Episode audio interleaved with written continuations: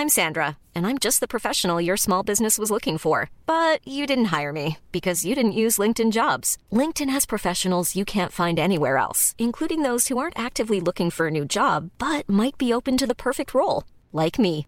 In a given month, over 70% of LinkedIn users don't visit other leading job sites. So if you're not looking on LinkedIn, you'll miss out on great candidates like Sandra. Start hiring professionals like a professional. Post your free job on linkedin.com/people today. There's never been a faster or easier way to start your weight loss journey than with PlushCare. PlushCare accepts most insurance plans and gives you online access to board-certified physicians who can prescribe FDA-approved weight loss medications like Wigovi and Zepbound for those who qualify. Take charge of your health and speak with a board-certified physician about a weight loss plan that's right for you. Get started today at plushcare.com slash weight loss. That's plushcare.com slash weight loss. plushcare.com slash weight loss. One size fits all seems like a good idea for clothes until you try them on. Same goes for healthcare. That's why United Healthcare offers flexible, budget friendly coverage for medical, vision, dental, and more. Learn more at uh1.com.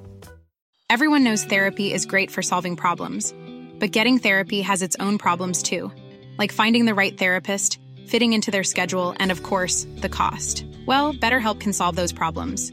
It's totally online and built around your schedule. It's surprisingly affordable too. Connect with a credentialed therapist by phone, video, or online chat, all from the comfort of your home. Visit betterhelp.com to learn more and save 10% on your first month. That's BetterHelp H E L P.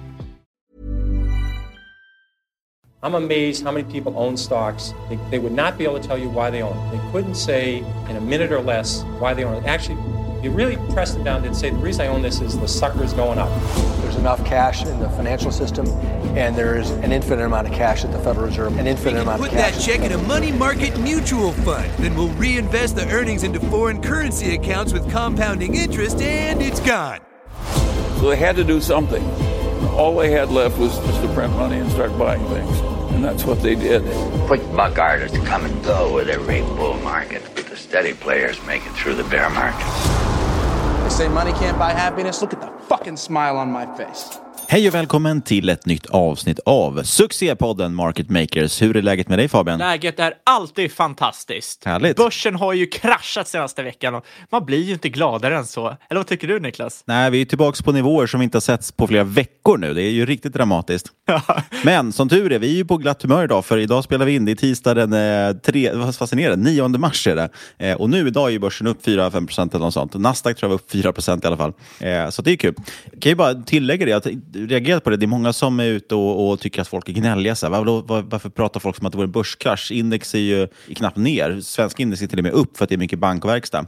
Men det man måste titta på det är att de flesta är ju investerade i, i olika typer av techbolag och tillväxtbolag. Och det är det som verkligen har drabbats. Eh, Det är det som har gått ner. Det har ju gått ner eh, tvåsiffriga tal, eh, vissa ganska dramatiskt. Så 24-7 som vi pratade om här i podden, de är ju nere 30 procent eller någonting för, för eh, senaste veckorna bara. Jag tror inte du behöver förklara det för våra lyssnare. Jag tror inte vi har några indexryttare som sitter och lyssnar på det här. Men jag kanske har fel. Men det är ändå intressant. Och det ska faktiskt tilläggas, alltså det är ju nästan så i alla typer av börskrascher. Det är klart att det har funnits en del riktiga likviditetsevent, det vill säga där folk behöver pengarna. Som i finanskrisen, då gick ju liksom allt ner hur mycket som helst. Men i de flesta krascher, tittar man historiskt på dotcom-bubblan och sådana saker, så är det ju oftast vissa specifika sektorer eller, eller ja, branscher eller så som drabbas framför allt. Eh, det finns ju oftast faktiskt både vinnare och förlorare även i en dålig, svag marknad. Och just nu då så är det ju någon form av kanske lite sektorrotation. Det är framförallt påverkat av räntan. Och just det här med räntan och så, hur det hänger ihop med, med börsen och hur den går. Eh, det är väl det vi ska prata om idag, va? Exakt. Vi ska prata, många som har blivit lite skraja här för inflationen. Vad händer om inflationen eh, drar igång? Så vi tänkte ju faktiskt återkoppla här lite med makromaker som vi brukar kallas lite på skämt. Och eh, jag tror att det är första makroavsnittet vi har på nästan ett år. Ja, det var ju ett år sedan vi hade coronakraschen och nu går det ner lite igen och då helt plötsligt blir vi intresserade av makro igen. Det känns nästan som det finns något eh, samband där. det, är inte, det är ingen idé att bemöda sig med makro när allting bara går upp hela tiden. Men när det går ner så kan det vara intressant att stämma av läget och se vart, eh, vart man tror saker är på väg någonstans. Exakt, då kommer lyssnarna och då kommer sponsen. Men som vanligt ska tänka på att det här inte är någon rådgivning eller rekommendation. Vi berättar om vår process som vanligt och hur vi tänker, men du måste alltid göra din egen analys. Och glöm aldrig heller att alla investeringar är förknippade med risk, till och med statsobligationer. Men vi ska ju prata lite om inflation och långräntor och så. Här. Egentligen, vad är det just nu börsen håller på att oroa sig för egentligen? Om det nu är det, kanske bara var en kortsiktig hicka det här. Eh, men då gick ju du tillbaka lite och tittade på Buffett, Warren Buffetts eh, investerarbrev egentligen och vad han Jo, säger om inflation va? E e exakt, för det är ju väldigt många nu som drar paralleller till 1920-talet, de drar paralleller till slutet på 90-talet, IT-bubblan, vilket är jätterimligt att göra med tanke på att vi har högt, högt värderad marknad. Men jag, jag, jag tycker kanske inte att det är 100% korrekt att göra så med tanke på att vi är två helt olika makrolägen. Eh, det är lite som att säga, ja men jag hade feber för tre månader sedan och nu har jag feber igen. Det måste vara av samma anledning, men det kan ju vara av två helt olika sjukdomar. Vi vet ju alla att inflationen är en reell risk just nu. Därför tyckte jag att det var väldigt intressant, faktiskt väldigt vettigt att gå tillbaka och läsa om senaste perioden då vi faktiskt har sett en tilltagande inflation och framförallt då få det från mannen, the man, the myth, the legend himself, Warren Buffett. För det är ju rätt intressant att kunna läsa då hans ord under tiden det händer snarare än i efterhand. För att när du, när, när du sitter och skriver om det i efterhand, då får du alltid en hindsight bias. Du vrider och vänder efter hur du ser det i backspegeln. Men gå, om du kan gå tillbaka och läsa Warren Buffetts investerarbrev, då ser du ju exakt hur han tänker på det när det väl utvecklar sig. Vi kan ju bara jättekort där, innan vi hoppar in på det, så kan vi bara nämna någonting lite om grunden i makro, eller två av de viktigaste parametrarna i alla fall. Varför, varför är liksom inflation så viktigt? Jo, för att en stor del av eh, makrobilder, det som allting egentligen mynnar ut i, det är ju att man, man är väldigt fokuserad på tillväxt, oftast mätt med BNP, då, eh, och sen inflation, det vill säga, eh, ja, vi ska återkomma till det, men vad det egentligen kostar att hålla pengar, alltså hur mycket tappar pengarna i värde per år? Och det mäts ju oftast med KPI eller KPIF i Sverige. Eh, det kan man ha jättemycket synpunkter på. Vi har ju lyft och diskuterat tidigare i podden att, att den där inflationsmätningen kanske inte är helt korrekt. Men det tänkte jag väl att vi lämnar därhän idag. Det som är det viktiga är att just nu är ju många oroliga egentligen för att den här inflationen ska dra iväg. Mycket på grund av att centralbankerna har stimulerat väldigt mycket, tryckt mycket pengar, haft väldigt låga räntor och det borde i teorin någon gång ge inflation. Och nu delar man ju till och med ut pengar rakt ner i folks fickor. Nu skickar man ut nya checkar i USA, eh, ett antal biljoner dollar som ska ut. Eh, så för efter att, att det var 50 procent hade angett att de skulle använda de här pengarna till aktiehandel. så det kanske är därför också vi har marknaden studsar upp lite här nu, att man tror att alla de här Robin Hood-aktierna kommer sticka iväg nu. Men eh, någonstans borde det inflation, för när när det blir verkligen pengar i folks fickor och inte bara pengar in i det finansiella systemet. När pengarna är i folks fickor, ja, då går de ut och köper saker för de pengarna och då kan man få inflation. Dessutom kommer vi nu tillbaka från liksom den här coronakraschen där väldigt mycket bolag har stått still. Eh, nu ska samhället öppnas upp igen. Det finns ett, ett, ett köptryck som kommer byggas upp då, eh, eller som har byggts upp och eh, det kan också göra inflation. Samtidigt, det som är så svårt här, det är liksom, ja, men kommer det här komma eller inte? Och, och då är det ju det klassiska, liksom, jag tror att det var Dave Rosenberg hade lagt med i sin, sin eh, marknadskommentar, två stycken citat. Dels eh, från Bob Farrell som säger “When all the experts and forecasts agree, something else is going to happen”. Det vill säga när alla experter och eh, analytiker tror på samma sak, ja då kommer någonting annat ske. Eh, och han hade något, något till liknande citat på samma tema. Just det att när, man tror att någon, när alla tror samma sak, då brukar det ofta bli något annat som sker. Men det där kan man å andra sidan vända åt bägge hållen. För en del tror ju att, att Fed kan ju stäva inflationen, det kommer aldrig bli inflation mer. Eh, just därför tror vi att det kanske att den kommer komma. Men samtidigt kan du också hävda att det är väldigt många som tror att den, eh, all, att den kommer nu och därför borde den inte komma. Ja, rörigt resonemang kanske. Ja, och så, man kan ju alltid ställa sig då frågan varför, varför spelar det någon roll egentligen att man har inflationer, att vi kanske får hög, högre räntor? Om du funderar på det så är det egentligen bara, det är bäst att skruva tillbaka och tänka varför investerar du i aktier? Och det är ju för att du tror att liksom ett företag, en ledning, en entreprenör har en viss förmåga som gör att de kommer kunna bygga ett företag som kan avkasta dina pengar bättre än om du skulle investera dem i till exempel ett sparkonto eller en obligation. Men med det sagt så tar du också en högre risk, för här, du har ingen lag eller någonting som backar att du ska få en avkastning och därför kräver du högre avkastning tillbaka. Det man ser då vid just inflation är att det här förräntningskravet, att man vill ha högre ränta, det, det kravet ökar. Ökar det tillräckligt mycket, ja, då blir det nästan som att du som investerare springer upp för en rulltrappa som är på väg neråt. Går det tillräckligt snabbt, ja, då kommer du ingenstans. Går det för snabbt, ja, då åker du ner med det. Ja, precis, och det här är ju också en jätteviktig nyckelbit i att förstå egentligen ja, finansteori, eller man ska säga. Att inflationen är ju, som vi var inne på, det är ju kostnaden för att hålla pengar. Det vill säga att om vi har 2% inflation per år, ja, då tappar du 2% köpkraft per år. Så det är ju liksom den minsta avkastningen du vill ha, eh, bara för att ens behålla din köpkraft. Sen dessutom, som du säger, då investerar man kanske i något företag eller så, man vill ta lite risk eh, för att få bättre avkastning. Eh, och då måste, vill man ju liksom, ja, då sätter man ju också upp någon form av diskonteringsränta, det vill säga vad, vad jag egentligen förväntar mig för avkastning för att det här ska vara värt det. Och det är det här det blir då viktigt också, varför den här långräntan, man pratar om att den tioåriga obligationen, att den har sjunkit nu, eller den räntan, och att den här långräntorna då liksom, ja, men har gått, gått upp och därmed går börsen ner. Och det kan vi ändå förklara det sambandet för de som inte känner till det. För Räntor påverkar ju faktiskt värderingar på bolag, alltså vad de ska värderas till. Howard Marks skrev jättebra om det här i sitt memo Coming into Focus för ett tag sedan. Eh, den pratar ju som att alla finansiella tillgångar sitter ihop. De beror av varandra på något sätt. Eh, och du som investerar gör ju alltid dina val baserat på vad finns det för alternativ. Alltså någon form av relativvärdering. Du har ju en riskfri ränta, det är ju statsobligationer, till exempel tioåringen. Eh, om den ger 3 ja men då måste ju du då måste ju liksom en, en aktie som är högre risk, den måste ju ge tillräckligt mycket mer än de här 3 procenten för att vara värd för dig att investera i. Eh, och sjunker då räntan, ja då behöver du ju kräv, kräver du mindre avkastning av din aktie för att det ska vara värt det. Därav att vi kan få det högre värderingar. Men det som händer nu då är att den riskfria räntan den ökar. Det blir alltså mer attraktivt att investera i obligationer. De ger mer avkastning. Ja, och då höjs avkastningskraven på alla aktier. Därför måste värderingarna ner. Eh, vi kanske kan dra Jag hoppas det inte blir rörigt nu i, i en podd. I sånt fall, jag råder oavsett att man ska gå in och läsa Howard Marks eh, memo där man kan få det här i siffror också, kanske lite trevligare. Men man pratar ju om att det här är liksom riskpremien, det vill säga att du får 3 eh, avkastning eller ränta på den riskfria räntan, alltså statsobligationerna. Ja, men då kanske du vill ha typ 6,5 ränta då, på dina aktier, det vill säga du har 3,5% riskpremie på det. Så de här 6,5 procenten du vill ha, eh, det är det du kan kalla det för din earnings yield. Eh, och de som känner till då earnings yield, ja det är ju inversen av ett P tal egentligen, det vill säga att du delar E eh, earnings genom priset istället för priset genom earnings som du gör på ett P tal Så du kan alltså vända bara runt på de här 6,5 procenten. Då får du ut vad ett rimligt P tal ska vara och det är ju då fem, ungefär 5, P 15. Och den här siffran känner vi kanske igen. Det är ju den historiska liksom, eh, snittvärderingen på börsen. Den brukar ligga runt P 15 någonting. Om vi då skruvar ner eh, räntan till dagens nivå runt 1 procent. Nu har den gått upp kanske mot 1,5 men vi tar 1 procent. Eh, för att du ska få den här 3,5 procentenheten i riskpremie, eh, då behöver du bara få ut 4,5 procent av aktierna du äger. Du alltså har ett lägre avkastningskrav på dem. Eh, och då motsvarar det att du ska ha en PE på kanske 22 vilket förklarar att börsen kan vara högvärderad. Så, alltså allting det hänger ihop. Högre värderingar ger lägre förväntad avkastning eh, och så fort då egentligen räntan sticker iväg och går uppåt, ja då kommer P talen sjunka så du kommer få lägre värderingar för att folk kräver högre avkastning.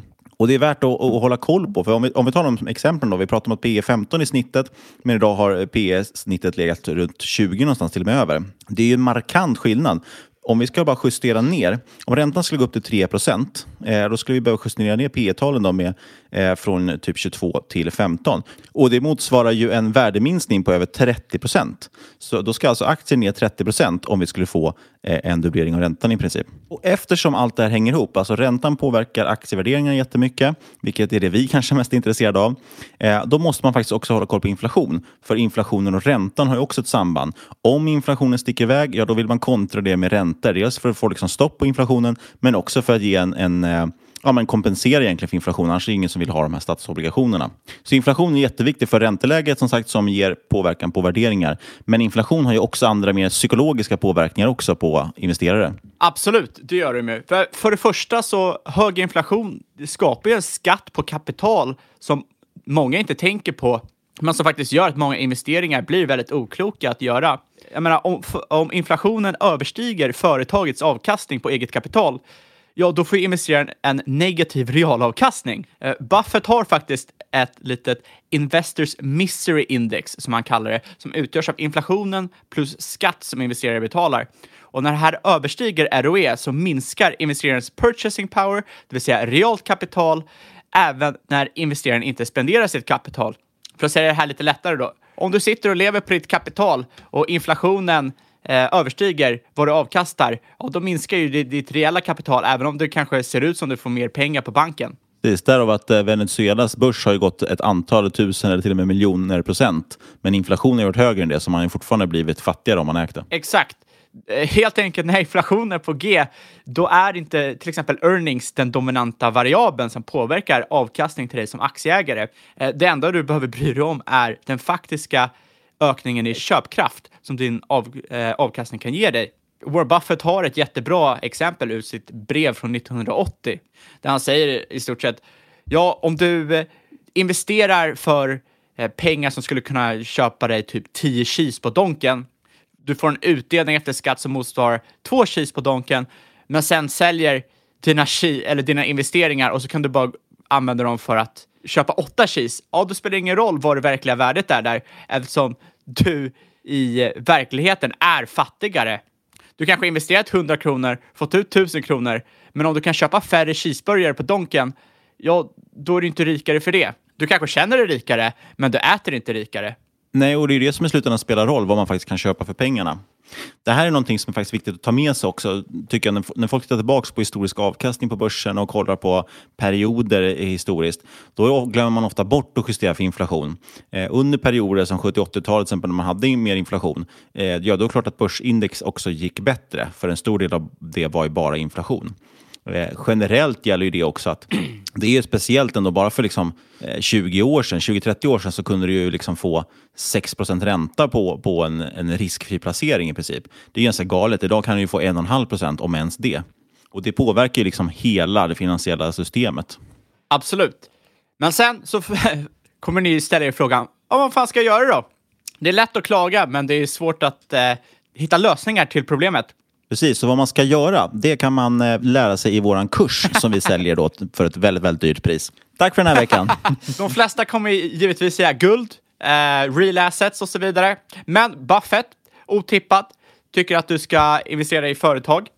Och enligt Buffroni så finns det två typer av bolag som han tycker är intressanta i en inflatorisk miljö. Och det första bolaget, det är sådana bolag som har pricing power även när efterfrågan kanske är platt och inte är växande. Eh, bolag som kan höja kostnaden mot kund utan att de behöver vara rädda för att tappa kunder eller marknadsandelar. Och pricing power kan ju på något sätt ibland också ses som en, en form av moat. Det hänger ihop med det här med vallgravar som Buffett pratar mycket om. Coca-Cola till exempel kan man ju anse har viss pricing power. Folk är ju väldigt förtjusta i att köpa just Coca-Cola så de kan ju ta liksom en premie jämfört med eh, ja, men typ Garant-Cola eller någonting. Men eh, ett extremexempel som vi kan använda som har pricing power som vi tagit upp i podden för många, många år sedan det var ju, eh, det är ju cigarettbolagen eller tobaksbolagen. De har ju real pricing power. Det blir högre och högre skatter ehm, och de får färre och färre kunder eftersom trenden är att färre röker. Men de tjänar ändå mer pengar än någonsin för att de höjer priserna. Med tanke på att deras kunder som är kvar, det är ju folk som är beroende av deras produkt. Alltså verkligen fysiskt beroende av det. Eh, Så där kan man prata om pricing power. Exakt. Och varför är det här bra då? Jo, för inflation är i stort sett bara att eh, köpkraften minskar. Du får mindre för samma pengar som du fick tidigare. Och då om bolagen kan öka sin pricing power, eller har, om de bolagen har pricing power och kan öka priset i jämna steg, ja, då förlorar de ju inte till inflationen. Nej, precis. För de har ju också ett problem med inflation eftersom deras råvaror blir dyrare hela tiden i takt med inflationen. Eh, det många gör också när de inte vågar höja priserna det är att man sysslar med det som kallas för shrinkflation. Alltså att man krymper sina produkter istället men tar samma pris. Så en chipspåse som för några år sedan innehöll 200 gram chips innehåller idag kanske 180 gram chips men kostar lika mycket. Då får du också mindre för pengarna men du märker det inte på samma sätt. Den där andra typen av bolag som Buffett anser är fantastiskt i inflatorisk miljö det är ett bolag som kan växa utan att behöva injicera mycket kapital. Väldigt få klarar av detta och nu för tiden brukar väl oftast benämnas för asset light companies. Och det är faktiskt rätt imponerande att eh, Warren Buffett pratar om det här på 80-talet och det är nog inte så många som förknippar honom med denna typ av, eh, av bolag. Rent allmänt så säger Buffett faktiskt att han tycker att investeraren bör akta sig för så kallad traditional wisdom när det kommer till att skydda sig för inflation. Eh, mycket som man faktiskt får höra än idag. Och ofta hör man att det bästa inflationsskyddet kommer i företag med naturresurser, de maskineri, mycket materiella tillgångar, eh, tangible assets. Men enligt Buffett är det inte alls så här i verkligheten. De här bolagen, de är asset heavy, och det betyder att de generellt har en väldigt låg rate of return, alltså låg avkastning. Så pass låg att de sällan klarar av att hålla takten med inflationen. Och ännu mindre har de liksom, de har kvar ännu mindre sen för att faktiskt lägga krut på tillväxt ovanför inflationen. Eh, till skillnad mot vad många tror så har en oproportionerlig mängd förmögenheter faktiskt byggts upp under inflatoriska tider från ägandet av bolag som eh, har en stor mängd immateriella tillgångar och låga krav på investeringar i sina materiella tillgångar. Warren Buffett tar upp det här och jag tror att det är i brev 81 och 82 hur goodwill, alltså immateriella tillgångar, i en inflatorisk miljö är the gift that keeps on giving eftersom goodwill tenderar att öka i nominellt värde proportionerligt med inflationen. Och det här låter ju bara som jäkla hokus pokus. Så vi tar ett litet snabbt exempel. Tar du två bolag som har två miljoner i omsättning. Du har bolag A, något som ni säkert kommer känna igen, det är Seas Candy. De har materiella tillgångar på 8 miljoner dollar, värderas till 25 miljoner dollar. Det är alltså vad de värderas när Berkshire Hathaway köpte dem. Det vill säga skillnaden där mellan de 25 miljoner dollar de värderas till och de 8 mil eh, miljoner dollar de har i materiella tillgångar. Till exempel maskiner som de skapar eller gör godis med. Det är immateriella tillgångar, till exempel recept. Sen har du ett bolag som helt är materiellt också omsättning på 2 miljoner dollar. Men eh, de har materiella tillgångar på 18 miljoner dollar inget goodwill alls. Det här bolaget värderas därmed efter sina materiella tillgångar, 18 miljoner dollar. Enligt traditional wisdom skulle det senare vara bättre än det första. Men säg att prisnivåer dubbleras. Då måste båda bolagen dubblera sin omsättning för att hålla sig över vatten med inflationen. Eftersom det här randombolaget är, det här materiella bolaget, kräver 18 miljoner dollar i materiella tillgångar för att producera 2 miljoner i omsättning, då kommer de ju behöva dubblera sina materiella tillgångar till 36 miljoner dollar för att kunna producera 4 miljoner dollar i omsättning. De får alltså ut en dollar i nominellt värde för varje dollar investerad. De ska alltså trampa vatten. Seas Candy däremot, de behöver bara 8 miljoner dollar i materiella tillgångar för att producera de här 2 miljoner omsättning. Resten av deras bolagsvärde kommer från immateriella tillgångar, till exempel recept på godis. Det här innebär att SIS endast behöver 16 miljoner dollar i materiella tillgångar för att producera de här 4 miljoner i omsättning för att hålla sig i nivå med inflationen. Och eftersom goodwill då, dess nominella värde skalar proportionerligt med inflationen så kommer bolaget värderas på samma basis efter inflationen som innan. Det vill säga marknadsvärdet för Seas Candy kommer nu ligga på 50 miljoner dollar, upp från 25. De ökar alltså 25 miljoner dollar i nominellt värde. Och man kan se det så här, att för varje en dollar investerad i SIS så får investeraren ut 3 dollar. Och det här är en höginflatorisk miljö. Och man ska ju inte egentligen stirra sig blind på de immateriella tillgångarna. Det är inte de i sig som är intressant, utan det man letar efter, som Buffett är inne på, det är ju asset light. Alltså de, det ska vara bolag som inte kräver så mycket tillgångar för att leverera avkastning och växa. Exakt. Det, det nyckeltal man skulle kunna titta på här, eh, för man vill inte springa och leta bolag med mycket goodwill, det behöver inte nödvändigtvis betyda en bra, eh, utan det man egentligen ska kika på, det är ju Buffetts favoritnyckeltal. Det är ju avkastning på totala tillgångar. Vi kan hitta på eh, börsdata bland annat. Eh, man vill se det helt enkelt. På de totala tillgångarna, vilka har, vad, har man, vad har man mest avkastning? Och Det brukar då återspegla liksom, de bolag som eh, genererar bra avkastning helt enkelt på, på få tillgångar. Och Det som är intressant, att vilken typ av bolag är det egentligen som är då eh, tillgångslätt eller asset light? Jo, det är ju många av de här tillväxtbolagen, framförallt SaaS-bolag som vi varit inne på mycket i podden. Eh, de har väldigt lite tillgång vid lag. De har ju liksom väldigt mycket personal och eh, ja, men olika former av immateriella tillgångar i, i kompetens, eh, utveckling och så vidare. Och sen så har man en extremt skalbar produkt. Eh, så man behöver inga tunga maskiner eller svåra saker. Man har inte ens någon egen serverhall. Den hyr man ju inom Amazon eller något. Eh, och de här typerna av bolag växer väldigt mycket. Men bara för att göra, göra det här lite knepigt i slutet då, eh, så är problemet att många av de här bolagen, eftersom de har så stor tillväxt, eh, hela sättet egentligen som de värderas på, gör ofta att de har väldigt höga värderingar idag. Och som vi var inne på, kommer inflationen igång, ja då kanske räntan måste upp med den också. Eh, och därmed får man då antagligen värderingskontraktioner. Så att liksom, det man vill hitta egentligen, och det är ju typ omöjligt, det är att man vill hitta bolag som växer kraftigt utan att behöva mycket tillgångar, som värderas väldigt billigt. Då. Det hade varit det, det bästa alternativet. Så är det absolut. Många bolag inom tech kommer ju känna av den här värderingskontraktionen utan tvekan. Men man ska också tänka på att flera, självklart inte alla, men flera kommer eh, fortsätta överavkasta inflationen, vilket är otroligt viktigt om du vill få en reell avkastning framöver. Och det här innebär ju faktiskt att själva verksamheten inom de här techbolagen faktiskt kan gynnas otroligt. Samtidigt som konkurrenter som inte kan cut it, som det heter på engelska, snabbt kommer försvinna eftersom inte de kan avkasta över inflationen. ledarna kommer helt enkelt troligtvis bli ännu starkare än vad de redan är. Ja, och det man kan titta efter här tror jag, det är ju eh, det är egentligen två saker man kan ta med sig. Dels är det som sagt, om vi får en värderingskontraktion, om det nu blir inflation och högre räntor, då ska man definitivt eh, liksom, kanske också vänta in det och, och, fiska upp de här bolagen om de blir väldigt billiga. För då kommer antagligen kommer marknaden reagera lite väl kraftigt som den alltid gör. Att den blir livrädd och säljer av all tech för folk liksom har, kör first level thinking och tror att det är det som kommer drabbas. Eh, men som, som, vi är inne på så kommer flera av de här bolagen faktiskt antagligen överavkasta inflationen. Man kanske kan plocka upp några av de här bolagen väldigt billigt om det blir så att det blir en liten eh, nedgång på börsen.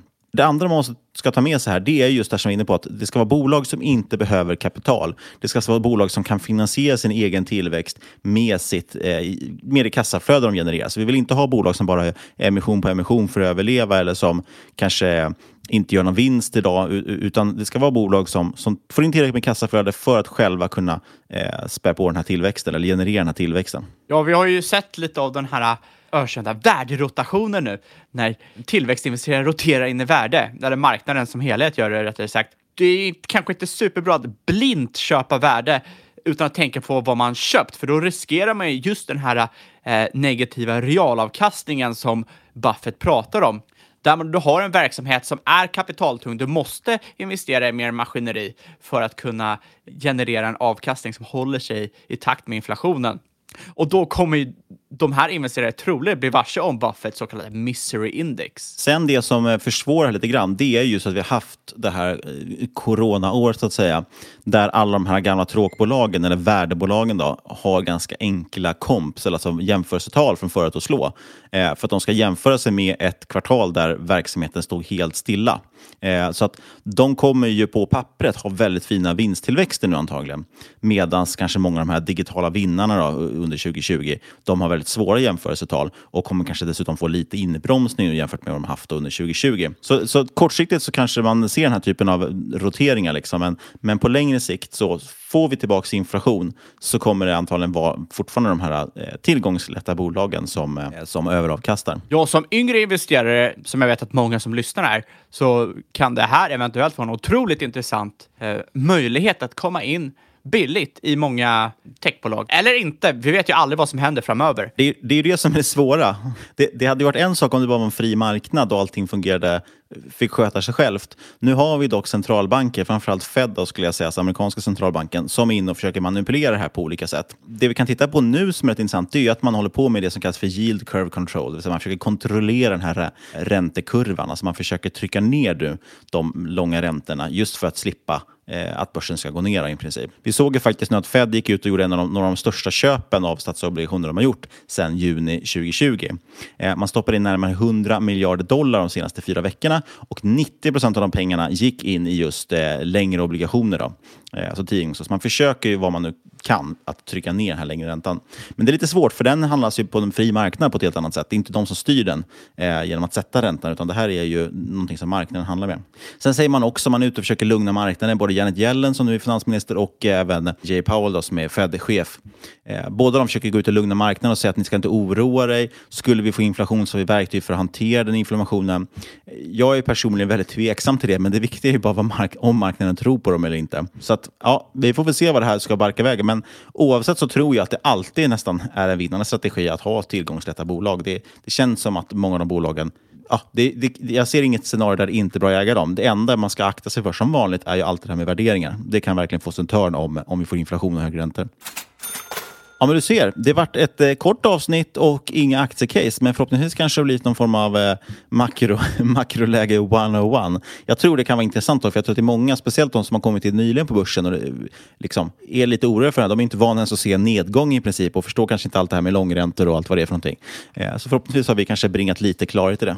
Ja, Eller så har vi skämt ut oss totalt. Alla makrorävar som lyssnar på det här tycker att vi har gjort bort oss totalt kanske i våra tolkningar. Jag, jag, jag tror mer på det senare. Fan vilken... Eh eh, vad, vilket läge man kommit in i om man helt missade coronakraschen och sen var med här på slutet och bara wow! Och sen bara åh nej, fritt fall! Ja, precis. Man, man började, började, sin resa på börsen där i kanske april någon gång, eller maj. Och sen har det bara varit tokrusat uppåt. Man har sett många sådana grafer på Twitter eh, och även Instagram eh, där folk just har så här, shit varför började jag inte med börsen tidigare? Jag har gjort 70 procent på ett år. Liksom. Okej, okay, men det, det här är inte normalfallet. Men vet du vad Fabian, oavsett vad vi säger så ska man komma ihåg att inget man hört i den här podcasten ska ses som rådgivning, eller hur? Nej, om ni inte vill det. Eller nej, just ni får inte på grund av fi och grejer. Nej, exakt. Ingen rådgivning här. Alla åsikter är våra egna eller vår gäst och eventuella sponsorer tar inga ansvar för det som sägs i podden. Tänk på att alla investeringar är förknippade med risk och sker under eget ansvar. Men känner du att dina investeringar gått lite dåligt, ja då kan du antingen kontakta Fed direkt, jpowell at fed.gov, eller så skriver du till podcast.marketmakers.se. Då kanske det är lite mer troligt att du får svar. Eh, Du kan också kolla upp oss på Twitter, at marketmakerspod. Det tycker jag vore kul. Ja, sist men absolut inte minst, vad vill vi göra då Niklas? Då vill vi tacka dig som har lyssnat och vi hörs igen om en vecka.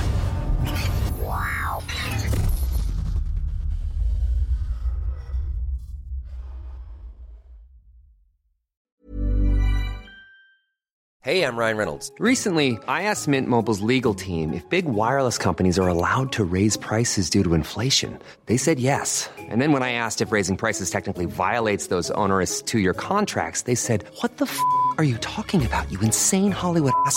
F- So to recap, we're cutting the price of Mint Unlimited from $30 a month to just $15 a month. Give it a try at mintmobile.com slash switch. $45 upfront for three months plus taxes and fees. Promo rate for new customers for limited time. Unlimited more than 40 gigabytes per month. Slows. Full terms at mintmobile.com. There's never been a faster or easier way to start your weight loss journey than with PlushCare. PlushCare accepts most insurance plans and gives you online access to board-certified physicians who can prescribe FDA-approved weight loss medications like Wigovi and Zepbound for those who qualify. Take charge of your health and speak with a board-certified physician about a weight loss plan that's right for you. Get started today at plushcare.com slash weight loss. That's plushcare.com slash weight loss. plushcare.com slash weight loss. I'm Sandra, and I'm just the professional your small business was looking for. But you didn't hire me because you didn't use LinkedIn jobs. LinkedIn has professionals you can't find anywhere else, including those who aren't actively looking for a new job but might be open to the perfect role, like me. In a given month, over 70% of LinkedIn users don't visit other leading job sites. So if you're not looking on LinkedIn, you'll miss out on great candidates like Sandra. Start hiring professionals like a professional. Post your free job on linkedin.com/people today. Burrow is a furniture company known for timeless design and thoughtful construction and free shipping, and that extends to their outdoor collection. Their outdoor furniture is built to withstand the elements, featuring rust-proof stainless steel hardware, weather-ready teak, and quick-dry foam cushions. For Memorial Day, get 15% off your Burrow purchase at burrow.com slash ACAST and up to 25% off outdoor. That's up to 25% off outdoor furniture at burrow.com slash ACAST. One size fits all seems like a good idea for clothes until you try them on. Same goes for healthcare. That's why United Healthcare offers flexible, budget friendly coverage for medical, vision, dental, and more. Learn more at uh1.com.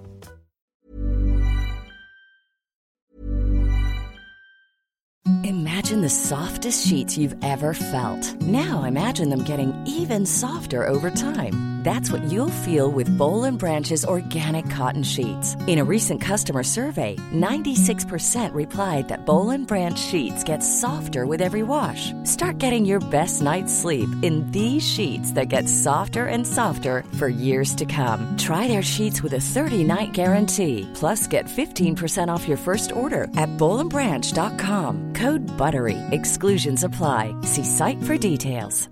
Mom deserves the best, and there's no better place to shop for Mother's Day than Whole Foods Market. They're your destination for unbeatable savings, from premium gifts to show-stopping flowers and irresistible desserts. Start by saving 33% with Prime on all body care and candles. Then get a 15-stem bunch of tulips for just $9.99 each with Prime. Round out Mom's menu with festive rosé, irresistible berry chantilly cake, and more special treats. Come celebrate Mother's Day at Whole Foods Market.